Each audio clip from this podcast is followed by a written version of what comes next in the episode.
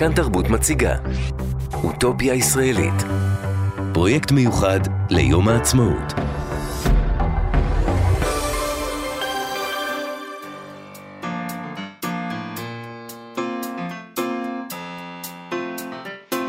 מה שכרוך. עם יובל אביבי ומה יעשה לה.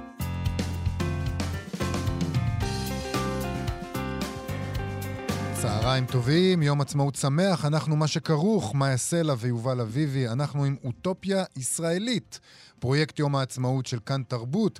אנחנו חוזרים למושג האוטופיה, שהיה ועודנו מושג מפתח במחשבה על הקמת חברה ומדינה.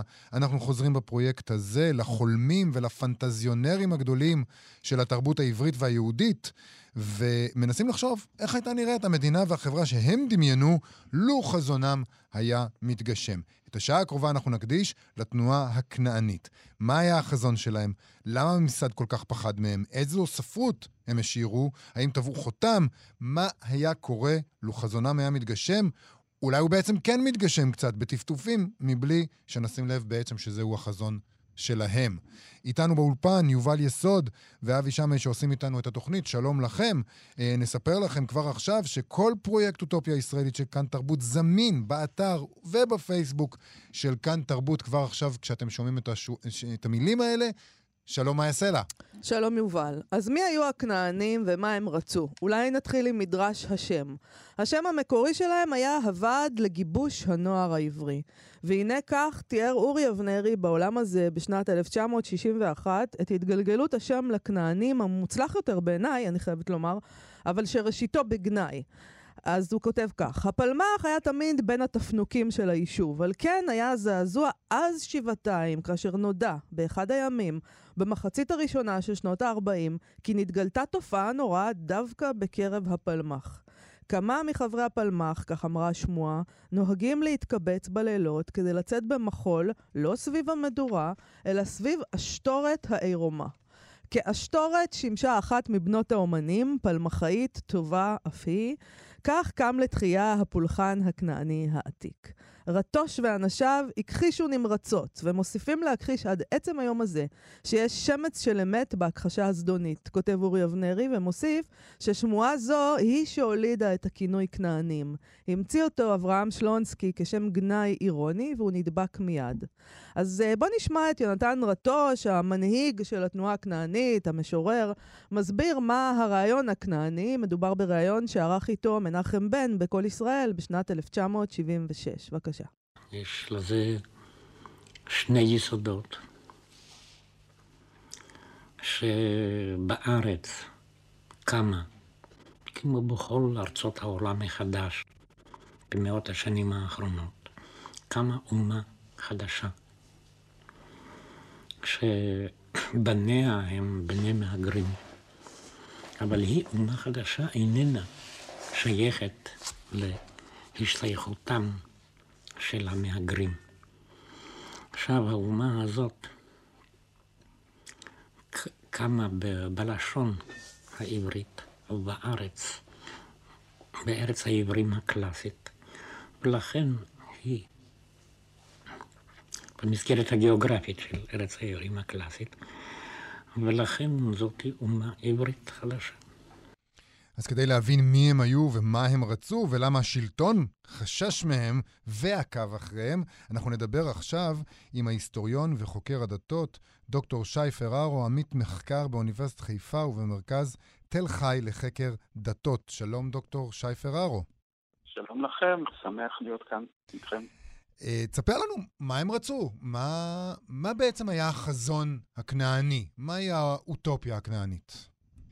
אז בעיקרון התנועה הכנענית, שאגב שמה המקורי, כן, היה בעצם הוועד לגיבוש הנוער העברי, או מאוחר יותר הם קראו לעצמם העברים הצעירים, uh, בעיקרון מה שהם רצו לעשות כאן בשנות ה-40 וה-50 במרחב הארץ הישראלי, הם רצו אה, להקים אומה עברית חדשה, שתתנתק בעצם מכבלי אלפיים שנות אה, הקיום היהודי בגולה, ותתבסס במקום זאת בעצם על אה, המורשת התרבותית המשותפת כביכול לכל העמים והשבטים שחיו במרחב הזה בתקופות קדומות, בין אם קוראים למרחב הזה ארץ קדם, או בקבוצות אחרות קראו לו המרחב השמי, כן? כל האזורים האלה של ארץ כנען, לבנון של ימינו, סוריה ואפילו עד עיראק. אז בעצם אם הציונות ביקשה לבנות בית לאומי לעם היהודי בארץ ישראל, אז מה שרטוש, כן, ששמענו אותו עכשיו, מה שהוא, העם העברי שהוא חזה שיקום כאן, היה אמור להיות מורכב פשוט מיושבי האזור באותה תקופה, גם היהודים הצברים שחיו בארץ ישראל המנדטורית בשנות ה-40, וגם הערבים, אגב, שחיו באזור הזה, בלי קשר למה הערבים חשבו לגבי זה. הוא היה משכנע אותם שלאום זה לא העניין אולי, ו... אתה יודע. כן, זאת אומרת, מבחינת התפיסה של רטוש הייתה שהלאומיות הערבית, הוא גם לא קרא לערבים ערבים, הוא קרא להם ערבאים, כן, והוא בעיקרון אמר, הלאומיות שלהם היא תודעה כוזבת, הלאומיות הערבית התגבשה אך ורק כתוצאה בעצם מהמגע עם האימפריאליזם הבריטי והצרפתי, כתגובה בעצם לקולוניאליזם, והוא קיווה שיהיה אפשר ככה ב... באמצעים שיעמדו לרשותו בתקופות מאוחרות יותר, הוא קיווה שיהיה אפשר לשכנע, לגרום לערבים להבין שהם בעצם עיוורים, בדיוק כמונו. אז אחרי שפתרנו את הבעיה באמת הקטנה הזאת, לבקש מאנשים לוותר על השאיפות הלאומיות שלהם, שזה באמת, זה בסדר. זה... מקסים, אמרנו אוטופיה. לא, בסדר. אוטופיה קל... נהדרת. נכון, אבל יש לזה גם השלכות מאוד מאוד פרקטיות. זאת אומרת, אנחנו מדברים על, אה, על אנשים שהייתה להם משנה סדורה לגבי אה, הפוליטיקה, הדת, החינוך, האומנות והתרבות, כל הדברים האלה, הם ידעו בדיוק מה שהם רוצים, ואנחנו רוצים קצת לנסות להבין גם את זה. למשל, היחס לדת היהודית. זה כמובן נושא קריטי בישראל של היום. מן הסתם זה היה נראה אחרת לגמרי, אה, לו היה קורה מה שהם רוצים. אה, כן, התפיסה שנניח אנשים כמו רטוש אה, ושאר פעילי העברים הצעירים הגיעו מתוכה, זאת הייתה תפיסה ככה חילונית, אתאיסטית, הם כ... הם עצמם היו ככה, הם לא היו אנשים דתיים, כן, או רוחניים במיוחד. אה, אבל לא, לא הייתה להם איזו תפיסה שיש לאסור על אה, ככה קיום הדת היהודית או משהו כזה. במדינה העתידית והמדינה העברית אה, יהיו גם אנשים שככה יהודיים וגם נוצרים וגם מוסלמים ותאורטית אפילו גם מאמינים בדת השינטו, כן? זאת אומרת, הרי רטוש רצה לפתוח את הארץ להגירה לא רק ליהודים נניח מאירופה או מצפון אפריקה או דרום אמריקה, אלא בכלל לכל מי שירצה לבוא, להגר לכאן. מבחינתו גם יפן יכול להגיע לכאן, אם, אה, אם הוא רוצה בכך. טוב, זה נשמע אה, ממש, האמת היא, במידה מסוימת, אה, החזון של הגלובליזציה, פשוט קצת כמה עשרות שנים קודם. אבל להפך, כי יש כאן איזה משהו מקומי שהוא אומר. נכון. כאילו, אתה מכאן, זה לא משנה מה הדת שלך, אבל אתה מכאן, אתה מקומי. ברגע שהגעת לכאן, אתה עברי. כן, בדיוק. בדיוק. יש גם, יש גם איזה דבר שבעצם, נגיד, אפשר לגלם אותו ב, ביחס שלהם, נגיד, ל, לביאליק, הפניית העורף הזאת לביאליק, שלילת הגלות, הרי מדובר כאן על הפניית עורף לגלות, וה, והרצון שלהם לקרב uh, את צ'רניחובסקי, הם העדיפו את צ'רניחובסקי. נכון, כן, אה, בהחלט, זאת אומרת, אה, אה, כדי רק לסיים את מה שאמרנו קודם לכן, זאת אומרת, האידיאולוגיה כאן של רטוש הייתה של אומה ישראלית ילידית, כן, שמוגדרת קודם כל על ידי חלקת האדמה המקומית שבה היא יושבת, ולא על ידי נניח זהות אתנית או זהות ביולוגית, כן? זאת אומרת, העם היהודי שכביכול קיים מאז התקופה של התנ"ך, או, זאת אומרת, וגם לא על ידי הזיכרון הקולקטיבי והמורשת התרבותית היהודית, כפי שהיא גובשה במשך אלפיים שנות הגלות. אה, עכשיו, באמת, אה, בהקשר הזה, כמובן שצ'רניחובסקי אה, והתפיסה שלו, כן, זאת אומרת, הוא היה סוג של כמו פרוטו-כנעני כזה, כן? הוא פעל כמובן לפני שהקבוצה הזאת התגבשה, כמה עשורים לפני. הייתה לו סוג של תפיסה הבראית כזו, ובעצם התנגדות ל... לאבסטרקטיות של היהדות, כן? ובמיוחד אם מסתכלים נניח על שירים כמו לנוכח פסל אפולו, לדוגמה, שיר כן. מאוד ידוע ומפורסם שהוא כותב ב-1899. אמ, אני אוהב תמיד אה, לצטט אה, בהקשר הזה מאורי אבנרי, כן?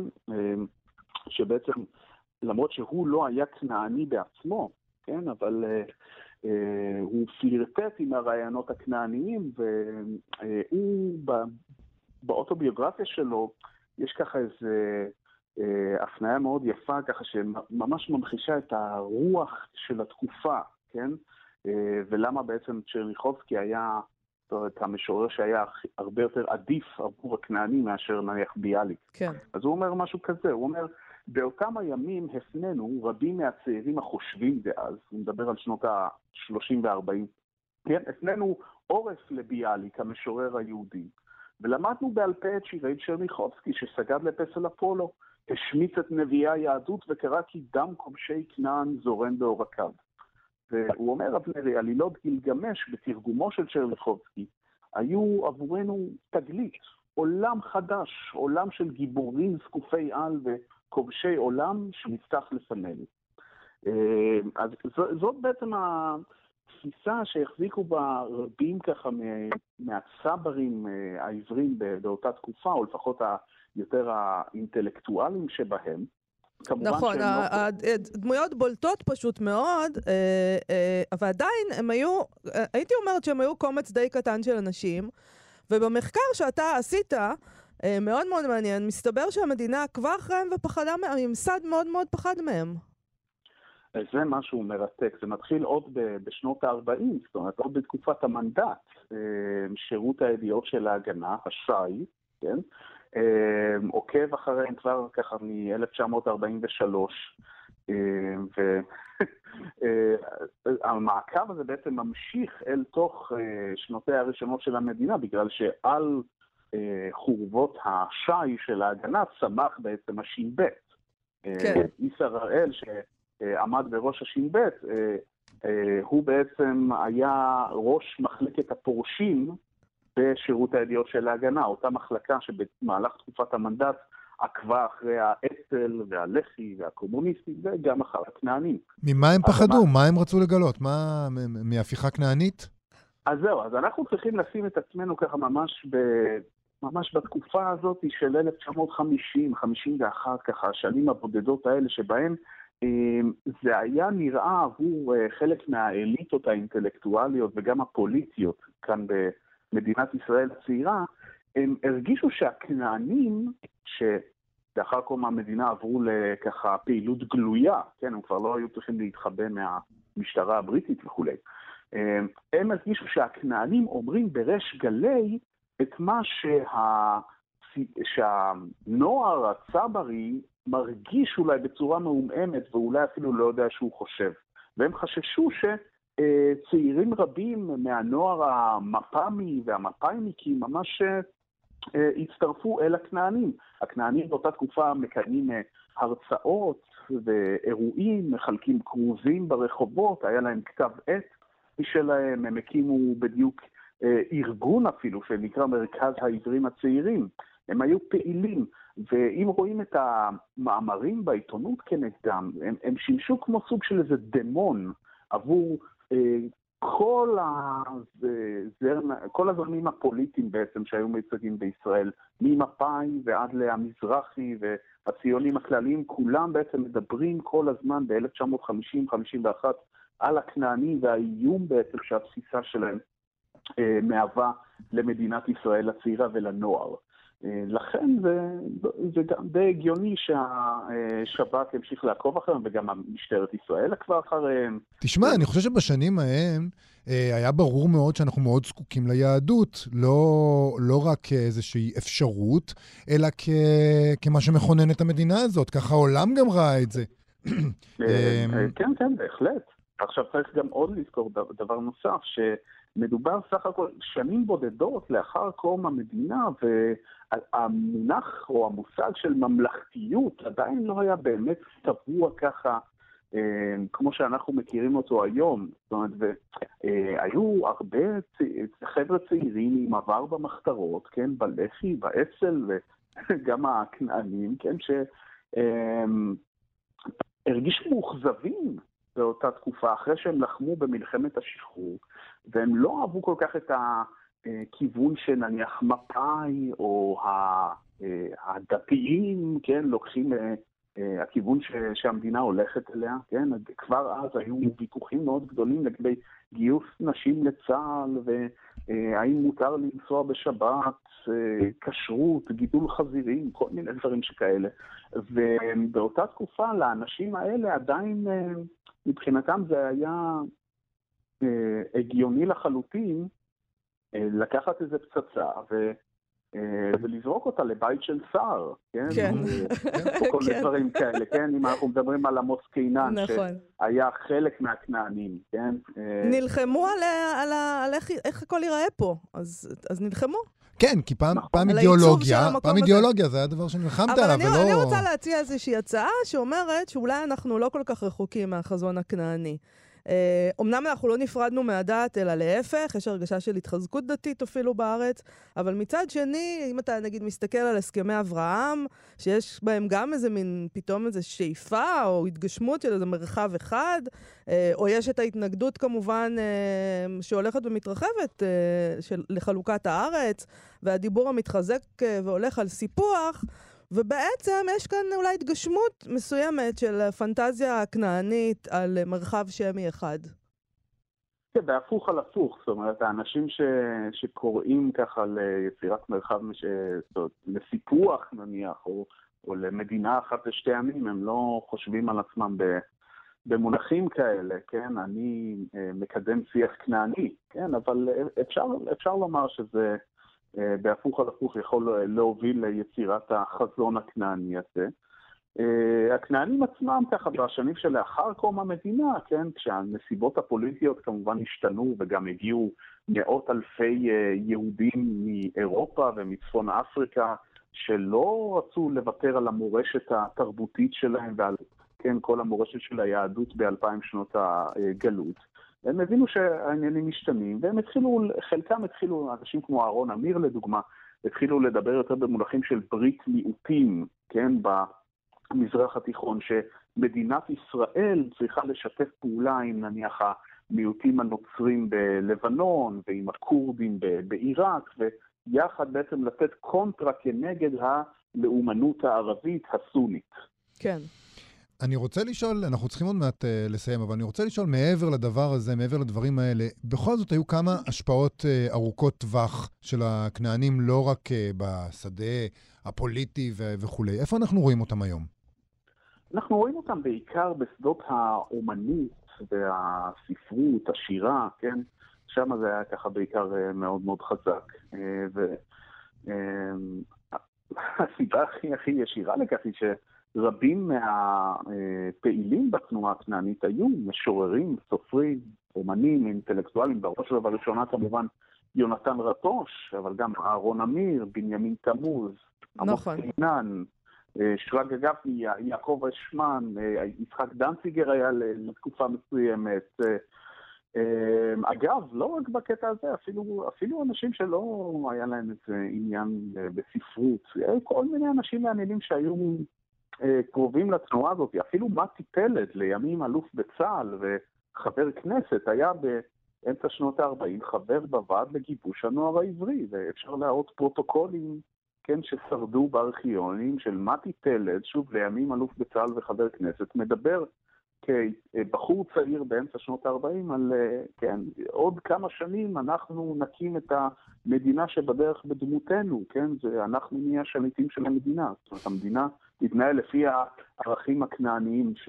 מקסים. שהם דיברו עליהם שם בוועד לגיבוש. כן, קיצור, אנשים מאוד מאוד מעניינים היו חברים בתנועה נכון. הזאת. אה, מעניינים ואקצנטרים ונהדרים. אה, דוקטור שי פררו, תודה רבה לך על השיחה הזאת. בכיף, תודה לכם. להתראות. יובל, בוא נשמע קצת את אה, צביקה פיק, שר אה, טקסט של רטוש, על חטא, בבקשה. בבקשה.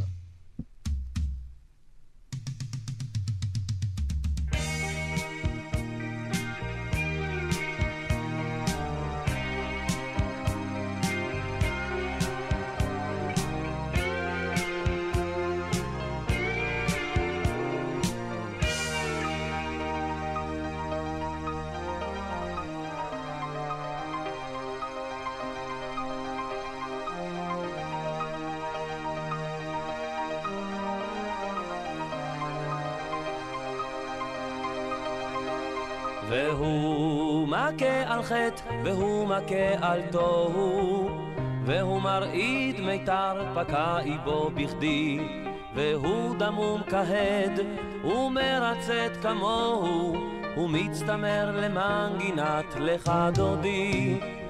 והוא בוער כלב, והוא כבה כעין, והוא דולק בלהב נר נשמת אדם, והוא חומר כגב, והוא כבד כיין, ומתנודד למנגינת בשר ודם. את יחידה כצל, את בוגדה כנחל, את תצעני לכל, לכל עובר ושב. את מתוקה כליל, את חמוקה כשחל, את מפקה כנחל בשרב. את יחידה כצל, את בוגדה כנחל, את תלהבי לכל, לכל עובר ושב. את אפלה כליל, את אוכלה כשחל, את שוקקה כנחל בצרב. והוא מוכה כלב, והוא נרתע כעין, עקוד הוא כחיה ברצע יתרים, והוא שוטט כגב, והוא זועק כיין, הוא משתרבט בלהבות בין הבתרים. והוא קשה כלב, והוא נוקב כעין, הוא מבקש כפר החטא אשר חטאת. והוא רחום כגב, והוא ניגר כיין, הוא מתנגן בבת אבן את נשמת. את רוחבה כצל, את לוקקה כנחל, את תלככי בכל, בכל אשר יאהב. את ערומה כליל, את יחומה כשחל, את צוחקה כנחל האכזב. אתה, אתה מאמין שבכלל יש איזה מין דבר כזה, שפעם אנשים אה, הלחינו שירים של רטוש? זה מוזר, לא? מדהים. הרי זו שירה שלו לא פשוטה, זה לא צחוק. אבל, אבל השיר... אז הלחינו, וזה יפה, והשמיעו, זה פשוט מדהים. וגם השיר קצבי תרבות- וכיפי, זה לא שזה טוב, זה מוריד. צביקה פיק, אין אה, מה גאון. לעשות. אוקיי, אנחנו מה שכרוך בכאן תרבות, אנחנו עם אוטופיה ישראלית, פרויקט יום העצמאות של כאן תרבות, ואנחנו עוסקים היום בתנועה הכנענית, אנחנו דיברנו על התפיסה האידיאולוגית שלהם, ועל היחס של הממסד כלפיהם, הפחד מהם, ועל ההשפעות ארוכות הטווח שלהם, ועכשיו אנחנו ננסה לברר מה היחס... אה, מה היה היחס שלהם לספרות? אה, רבים מהם היו אנשי ספרות, סיפרנו את זה. איך הייתה נראית הספרות שלנו לו היינו נענים לדרישה שלהם, אה, או אולי נעננו לה? מי יודע? מי יודע. אנחנו נדבר על זה עם חוקרת הספרות ועורכת של אנתולוגיה לספרות כנענית, שעתידה לצאת אה, בקרוב בהוצאת מכון בן גוריון, דוקטור יעל דקל, שלום לך. שלום לכם. אז, אז אולי נשאל אותך, מה, מה הכנענים דרשו מהספרות והאומנות? איך הם רצו שזה כל העסק הזה ייראה? אוקיי, אז אני אתמקד בספרות אולי, כי כן, באומנות נכון. ובאומנות הפלסטית אני מתארת לעצמי שזה אנשים אחרים דיברו, ידברו.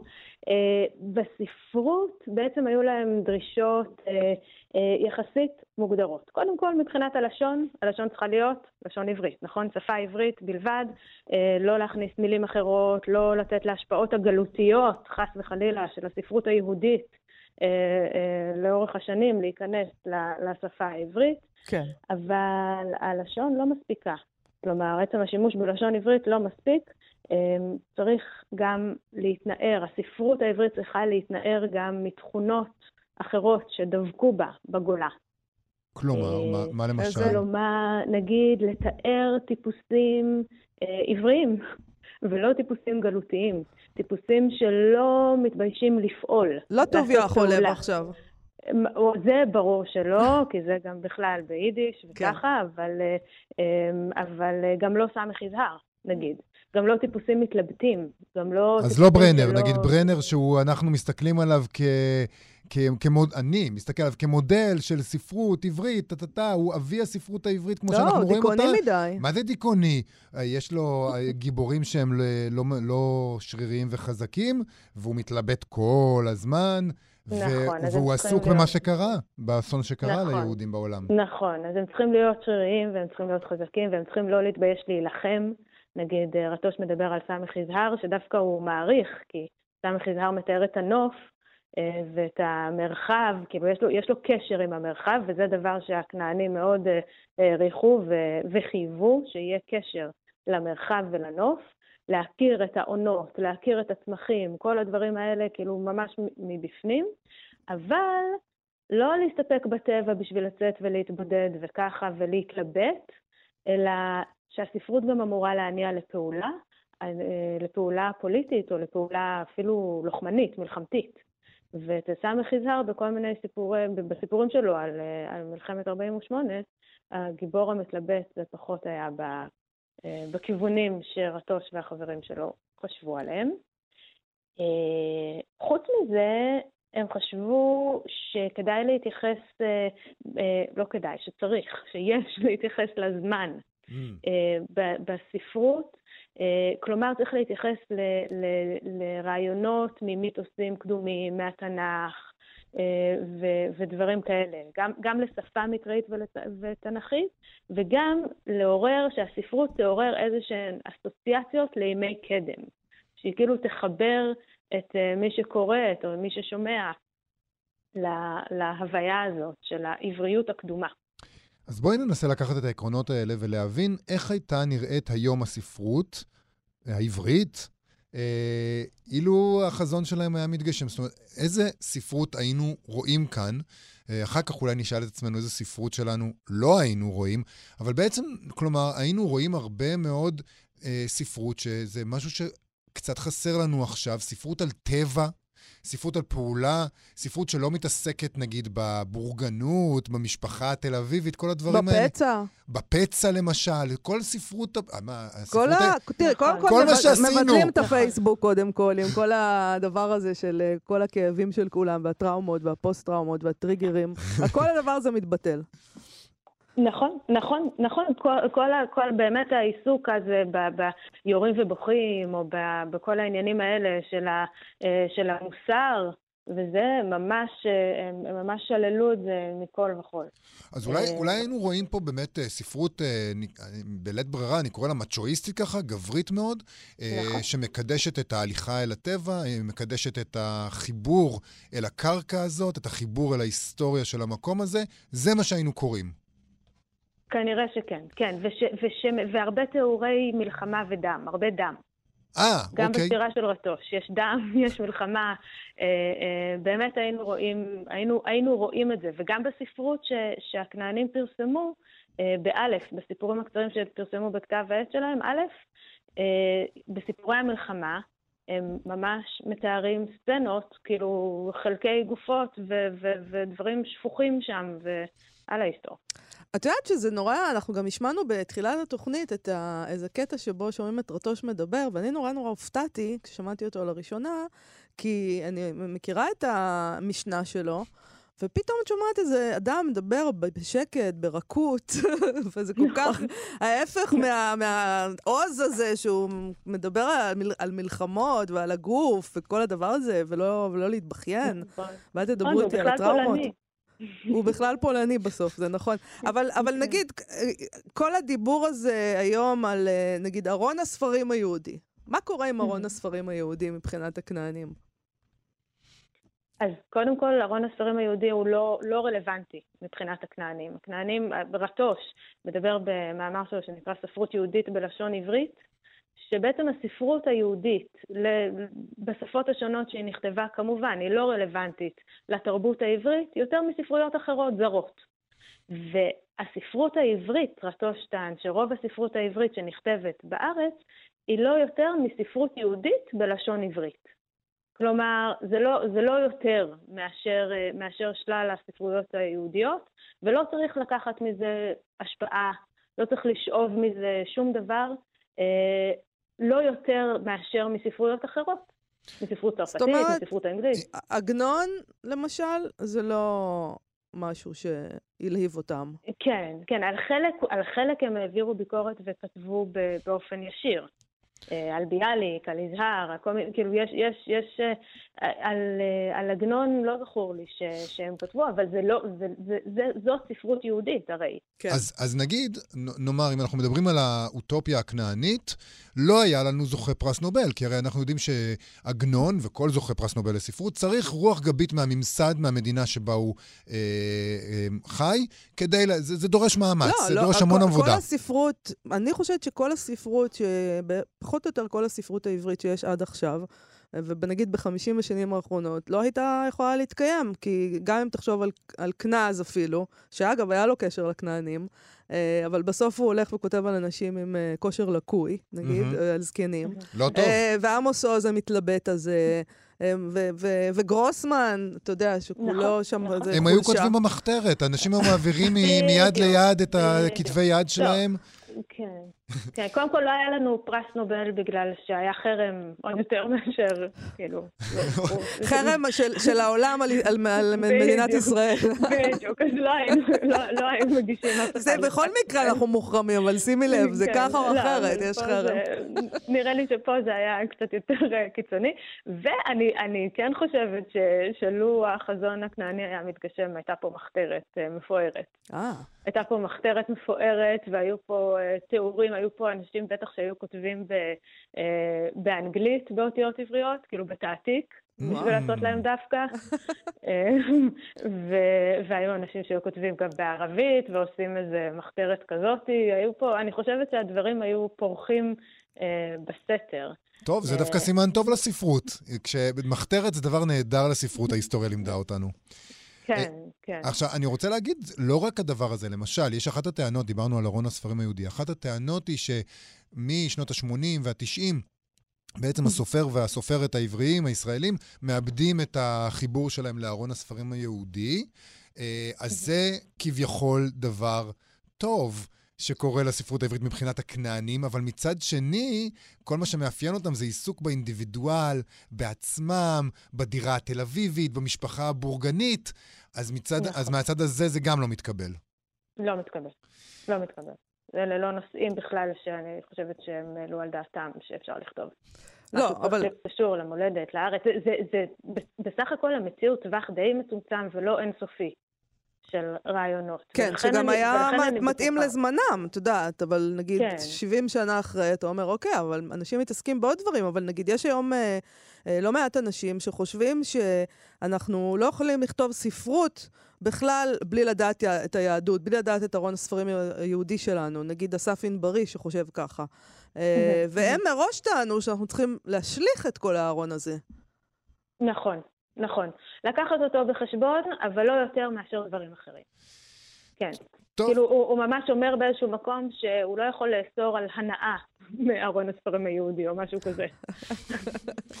טוב, יכול להיות שבסופו של דבר, יכול להיות שאנחנו היינו אה, אה, נהנים מהפירות של אה, אוטופיה כנענית שכזו מבחינת הספרות. או לפחות היינו נהנים מהמחתרת. בדיוק.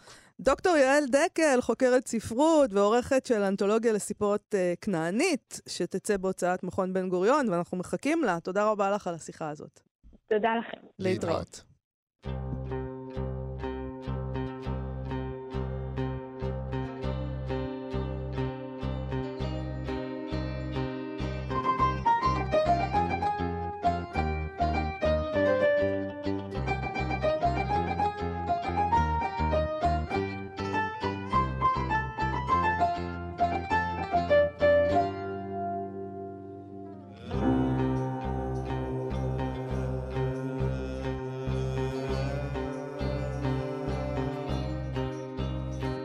יוצא לעולם הרחב, אתה מביט והכל בו זהב, אתה יושב מול הים, ונשזף ומתחמם בקרני הזהב, ומלטף טלטלים של זהב, כן, הכל זהב.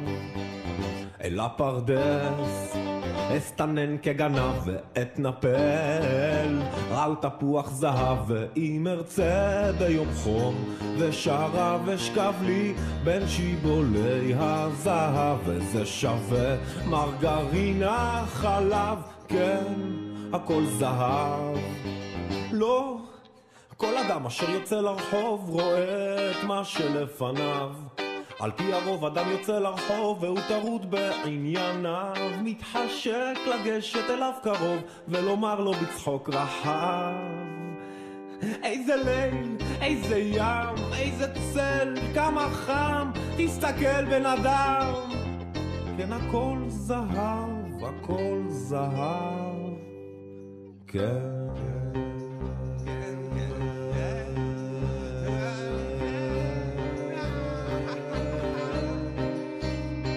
לעיר.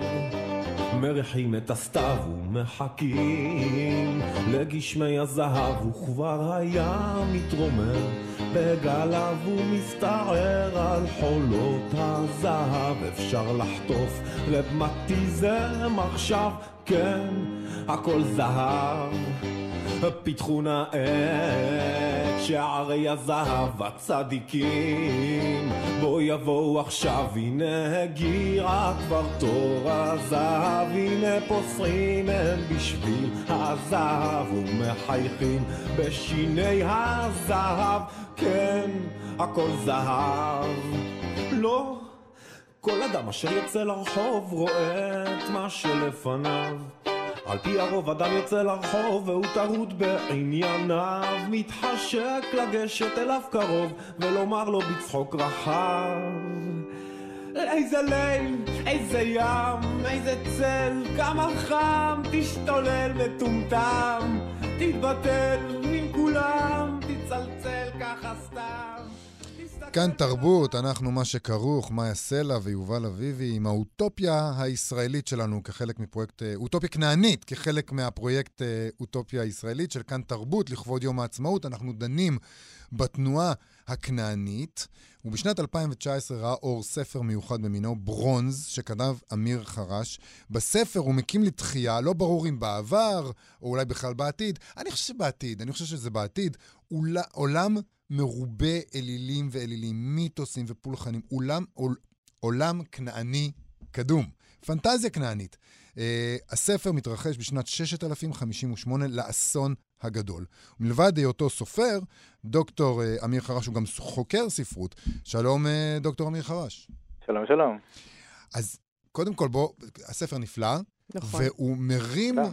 מרים מחדש עולם מסעיר מאוד, וזה קצת, קצת מבהיר מדוע הכנענים כל כך היו אה, סוערים סביב הדבר הזה של, של עבודת אה, אלילים. אז תספר לנו, מה עניין אותך בעולם הזה שכוננת מחדש? אמ, יש משהו מאוד אה, מסעיר, כמו שאתה אומר, ב- בלעשות עבודת אה, מיתוס, ב- בלכתוב מיתוסים קדומים, ובלנסות לשחזר את, ה, את הפולחנים ואת האלים, לשחזר אותם וגם להמציא אותם מחדש באופן אחר. אמ, הספרות מסוגלת לעשות אה, דברים מאוד גדולים, והרבה פעמים אנחנו משתמשים בה כדי לעשות אה, דברים קטנים. אני זוכר שאחד הרגעים שהכי ריגשו אותי בכתיבה זה שכתבתי אה, משפט כמו עברו מאה אלף שנים. וזה מדהים, אפשר לכתוב את זה, וזה נכון. עושה משהו. וכאילו, הריאליזם הישראלי, עם כל הדקויות של איך נראה בית קפה ופרדות ודברים כאלה, זה כל כך מתגמד לעומת ה... מאה אלף שנים שיכולים. כן. אתה יכול, כאילו בעצם אתה אומר כאן איזה דבר, אתה אומר, אתה סופר, אתם יכולים לכתוב מה שבא לכם, ואתם רוצים לכתוב על הבית קפה בסוף, מה, מה יש לכם? בואו נברא עולם. בדיוק. אבל למה, מה, מה היה המשיכה שלך לעולם הקדום הזה בעצם? למה שם דווקא רצית ללכת? אה, אני חושב שיש בזה משהו שהוא קשור גם לתנועה הכנענית, במובן של לחפש את השורשים האליליים שלי או שלנו, כן? במרחב הזה. מה, מה קרה פה באדמה הזאת, ומתוך איזשהו קשר אליה, אז להתחבר אל האלים של הערים שהיו כאן, ושל המרחב השמי והכנעני. אה, אני חושב שהרבה אנשים שטיילו פה אה, בארץ אה, ברגליים, אז הם, הם הרגישו את, ה, את החיבור הזה, שהוא גם יכול להיות חיבור לתנ"ך או, או לתלמוד, אבל גם כן לסיפורים שקרו כאן קודם, ולאלים שהיו פה קודם. ואני חושב שיש עכשיו איזה... איזה פריחה בעולם של, של עיסוק בפנטזיה ובאלים, ונראה לי שאנשים שהם ישראלים מוצאים את המקורות שלהם בדברים האלה, בדברים שהתרחשו כאן, במרחב הזה. תשמע, אחד הדברים שבולטים בספר שלך הוא שהחברה שאתה מתאר היא חברה מאוד מאוד קולקטיבית. בעצם אין, אין, יש איסור על אינדיבידואליזם. אתה חייב להיות חלק, אה, חלק מהחברה, אתה חייב להיות, אה, אה, אתה חייב להיות פרט מתוך הכלל. אתה לא, אין זהות אישית. אמ, זה נכון, אתם מדברים פה על אוטופיות, אבל אני חושב שהספר הזה הוא, הוא במובן אה, אה, מסוים אה, דיסטופיה דווקא, ו, ואני חושב שדיסטופיות הרבה פעמים זה, זה הציר המרכזי שלהם. חברה שהיא חברה טוטליטרית שמוחקת את, ה, את האינדיבידואל ואת הפרט, ואתה יכול לראות את זה במספר מאוד גדול של, של דיסטופיות. אז זאת סוג של נקודת ההתחלה. אה, של הדיסטופיה הזאת, אבל ככל שממשיכים לקרוא, ולמרות שיש פה מהלך אה, רחב של איזו הפצעה של אינדיבידואליזם בתוך העולם הזה הכנעני, אז אה, תוך כדי הכתיבה, ואני מקווה שגם הקריאה, אז דווקא מתאהבים גם בעולם הזה, גם בעולם שבו האלים הם הכוח הפועל, ובני אדם הם כמו נמלים קטנות שמתרוצצות למטה, ו... הם חסרי חשיבות ביחס למה שהאלים עושים. אפילו שהאלים לא ברור אם קיימים או לא, אבל הסיפורים עליהם, הפסלים עליהם, הטקסים שלהם, זה המרכז של החברה. וזה גם מתחיל בעצם בניסיון כן להיות אינדיבידואל. זאת אומרת, אני לא אעשה כאן איזה ספוילר, אני אגיד שזה פרח כהונה שנמלט מהמקדש. ועכשיו הוא יוצא לאיזה מין מסע כזה, נכון? שהוא אפשר לנסות לחשוב שזה מסע לעבר משהו אינדיבידואלי, או אולי מסע לעבר אה, הקמת אה, אל חדש, את, את עושה הרבה פחות ספוילר ממה שכתוב בגב של הספר. אה, אוקיי, בסדר. אני תמיד חוששת שאנשים... זה בטוח. אוקיי, אז זאת אומרת, יש כאן איזה מין... זה אינדיבידואליזם שהולך לאותו כיוון, לכיוון של דת חדשה, כמו שאמרת, לכיוון של אל חדש. זאת אומרת, אה, בואו תראו איך אני אינדיבידואליסט ותצטרפו כקולקטיב לאינדיבידואליזם שלי. אני חושב שההשראה למהלך הזה זה ההתקוממות של הדתות המונותאיסטיות על, על רקע אלילי, כמו שקרה לנו כאן. אה, עם היהדות, כמו שקורה אה, לנצרות, כמו שקורה בבודהיזם, כמו שקורה באסלאם, זה איזשהו מהלך שחוזר אה, הרבה פעמים כשעולה מישהו. עכשיו, הבן אדם הספציפי פה, פרח כהונה, הוא לא התכוון שזה יקרה, כן? הוא, הוא רק רצה למצוא חלקת אדמה פנויה מאל, שהוא יוכל פשוט להיות בה. אבל התפקיד שהמערך החברתי שם הכין לו היה דווקא תפקיד של נביא, ובניגוד לרצונו הוא מקים דת חדשה. כן, זה משהו... אני, אני רוצה לשאול אותך, אתה יודע, דיברנו כאן על עקרונות הספרות הכנענית, והספר שלך די תואם. אה, אתה מדבר פה על הרבה על הטבע, יש אצלך הרבה מאוד דם, מלחמה, אה, יש אה, חיבור כמובן למיתוסים הגדולים של המקום הזה. האם אתה רואה בך את מי שכתב בעצם את אחת מהיצירות הכנעניות היחידות שיש עכשיו במרחב הזה, במרחב שלנו? הכנעני. הכנעני, בדיוק. אמ, אה, זה תואר אה, אה, מכובד, אני אשמח להתכבד בו. אמ, אני עצמי אינני כנעני, כן, במובן הפוליטי. אמ, אבל הכתיבה הזאת היא, היא, אני חושב שהיא מושפעת מאותם דברים שהשפיעו על הכותבים בתנועה הכנענית. ולכן זה יכול להגיע למקומות דומים. אה, ברגעים מסוימים אני חושב על זה בתור ספר אה, נאו-כנעני. אמ, וגם אני חושב שיש איזו תנועה אה, כללית מאוד דלילה, כן, אבל של, של אנשים שהם כותבים יצירות נאו-כנעניות או מבצעים פעולות נאו-כנעניות, כל מיני טקסים שסוגדים לבעל ולאשרה, או שעושים משחקי תפקידים גדולים, שמשחזרים את הדרמות האלה ואת הדברים של ענת. אתה רואה רסיסים של עניין בדברים האלה בתרבות בשנים האחרונות. אתה, יש היום uh, טקסים של סגידה לבעל ואשתורת? אה, מדי פעם אני שומע על דברים כאלה, אבל אני לא לגמרי יודע עד כמה זה ברצינות או לא. אבל תשמעי, יש כל כך הרבה עבודת אלילים שקורית במדינה שלנו. זה עניין של הגדרה, אתה אומר. כן, אני, המסורות האינדיאניות, כן. הם אה, הצליחו להיכנס דרך התרבות האמריקאית, ואנשים עושים סוואט לוג'ים, וכל מיני פרקטיקות רוחניות, אינדיאנ... מסעות שמאנים, כן, דברים שהם אה, נכנסו אה, מאוד חזק לתרבות האלטרנטיבית הישראלית.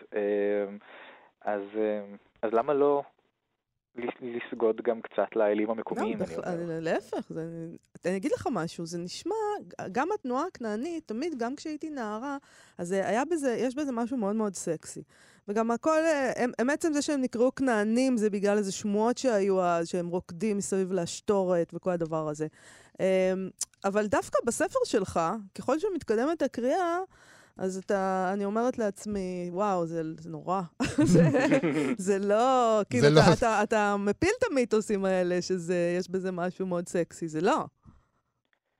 אה, זה נורא, אני זה מסכים נורא. איתך. אוקיי. אה, העולם ה- הקדום, הוא היה עולם מאוד קשוח, ואני מקים אותו בצורה עוד יותר קשוחה, אה, ועוד יותר מוחקת את האינדיבידואל. אבל אה, ברגע שנכנסים לתוך זה, אז אפשר גם אה, לשנות נקודת מבט. ואולי להתאהב זה לא המילה הנכונה, אבל מאוד להעריך ולהיסחף בתוך, ה... בתוך הקצב הזה, בתוך המנהגים האלה, ובסך הכל. העולם הזה הוקם שם כתגובה לאסון הגדול, כדי ליצור איזושהי אנושות שלא משמידה את עצמה. כן. אנושות שהיא משולבת יותר בטבע, שהיא מרוסנת מבחינת הפיתוח הטכנולוגי שלה, אה, מבחינת כמות האוכלוסין שהיא אה, מביאה. ו, ו, והשאלה של איך אנחנו חיים באופן בר קיימא, זו שאלה שהתרבות שלנו לא פתרה אותה, נכון. בכלל. ו, וחלק מהסיבה שהתרבות שלנו לא פתרה את הבעיה הזאת זה המשקל המאוד גדול שאנחנו שמים על האינדיבידואל אה, ועל החופש של הפרט. ודבר שכמעט בהכרח מוביל לפיצוץ אוכלוסין ולהתפתחות טכנולוגית. ובמובן זה, זה, זה שאלה של איך אנחנו יכולים ליצור תרבות או לחזור לתרבות שהיא כן בת קיימא, שיכולה להתקיים לאורך הרבה שנים, ומה אנחנו אה, צריכים לוותר עליו בשביל זה. אמיר חרש, אה, אני חייבת להמליץ לכולם לקרוא את ברונז, פנטזיה כנענית נהדרת. אה, תודה רבה לך על השיחה הזאת. אה, תודה לכם שקראתם לי. להתראות. להתראות. ביי ביי. אה, יובל, אנחנו לסיום נפנה זרקור למנהיג התנועה הכנענית, אי אפשר בלי הדבר הזה, המשורר יונתן רטוש, אה, דמות מאוד מאוד מעניינת. יונתן רטוש הוא שמו הספרותי של אוריאל שלח, שנולד כיחיאל אלפרין בוורשה בכלל, ב-18 בנובמבר. אה, ב-1919 הוא עלה עם המשפחה שלו לארץ ישראל. הוא למד בגימנסיה העברית בירושלים, ולאחר מכן בגימנסיה הרצליה בתל אביב. הוא למד אפילו שנה משפטים. ואחר כך הוא יצא לצרפת ללמוד בלשנות. את השיר הראשון שלו הוא כתב בגיל שבע. ב-1925 התפרסם השיר הראשון שלו בעיתון הארץ. באביב 1934, בהשפעת בן ציון נתניהו, שים לב, הצטרף רטוש לתנועה הרוויזיוניסטית, והיה במשך כמה שנים במערכת העיתון שלה הירדן. אבל אחר כך הוא פוטר בגלל מאמרים שכתב ולא תאמו את עמדת ראש בית"ר זאב ז'בוטינסקי. ב-1939 הקים את ועד לגיבוש הנוער העברי שדיברנו עליו, את תנועת העברים. אה, הוא גם ייסד את ביטאון התנועה, א', הוא ניסח את המצע של התנועה, שעיקרו יצירת עם חדש, עברי ולא יהודי, וכן הפרדה גמורה בין העברים בארץ ובין יהדות הגולה ומורשתה. רטוש תרגם ספרים בתחומי מדע וספרות, הוא שיבץ בהם חידושי לשון ייחודיים, ובכלל הוא עסק רבות בהחלפת המילים הלועזיות שלנו למילים עבריות. הוא אמר שמילה לועזית נכנסת כמו פגיון בגוף. אני חושבת שלסיום אנחנו נשמע אותו קורא את השיר בארגמן מתוך אוצרות הארכיון שלנו, שליקט עבורנו אייל שינדלר, גם קטע השם הראשון ששמענו היה אה, באדיבות שינדלר. בואו נשמע. בארגמן. לא ינקת שדיים מאחה, ולא שמן אחד משכנו, ורק הבור אחד הוא ורחב, אליו ייפול כוכב אחר כוכב. איש ואיש ושבר כוכבו, איש ואיש וגובה לבבו.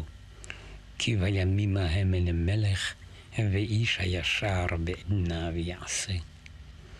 ואיש ואיש ישלם בדמיו, ואיש ואיש יספה על אחיו, ואיש ואיש לדרך פעמיו, והולם גיבורים על פי אובדן.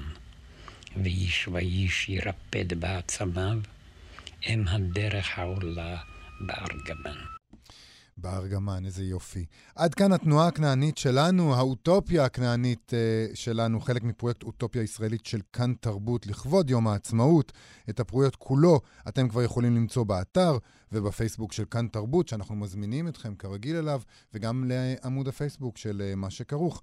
תודה רבה לאבי שמאי ויובל יסוד שעשו איתנו את התוכנית. תודה שוב לאייל שינדלר שסייע לנו בהפקה. נאחל לכם יום עצמאות שמח. חג שמח, להתראות.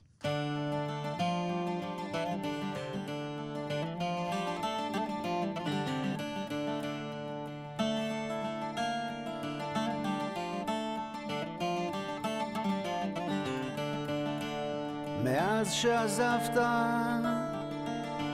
הרבה השתנה כאן.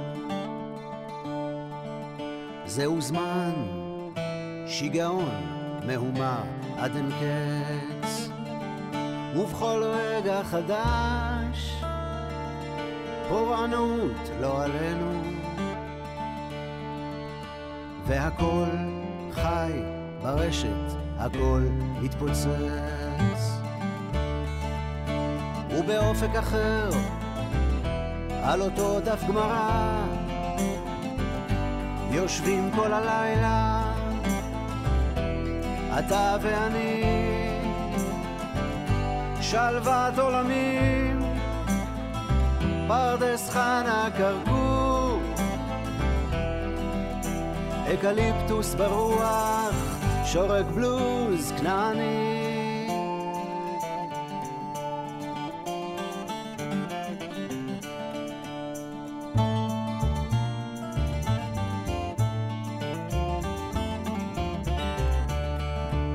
מאז שעזבת, החושך גובר כאן. האור שלך מאיר, עדיין זוהר. זה סיבוב הופעות מקומי, אתה יודע. אותו שיר כאב הולך וחוזר. ובאופק אחר, סביב שולחן השבת, יושבים כולם יחד, גם אתה ואני, שלוות עולמים, פרדס חנה כרכור, אקליפטוס בודד, שורק בלוז כנעני.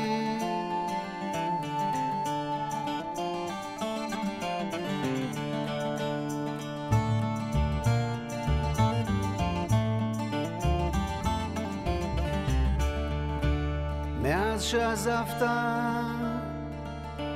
הרבה השתנה כאן. זה עולם אלקטרוני, קצת קשה לדבר. ומילים כמו שלך, אף אחד לא אומר כבר. הנר שלך מאיר, עדיין בוער. ובאופק אחר, אחרי הופעה,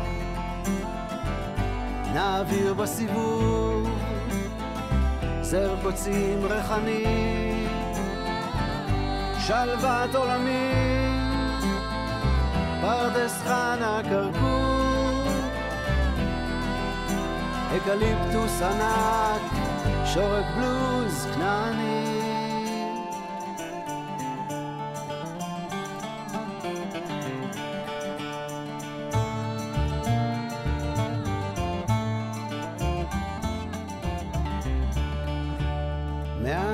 עזבת, הרבה השתנה כאן. הנר שלך מאיר, עדיין בוער.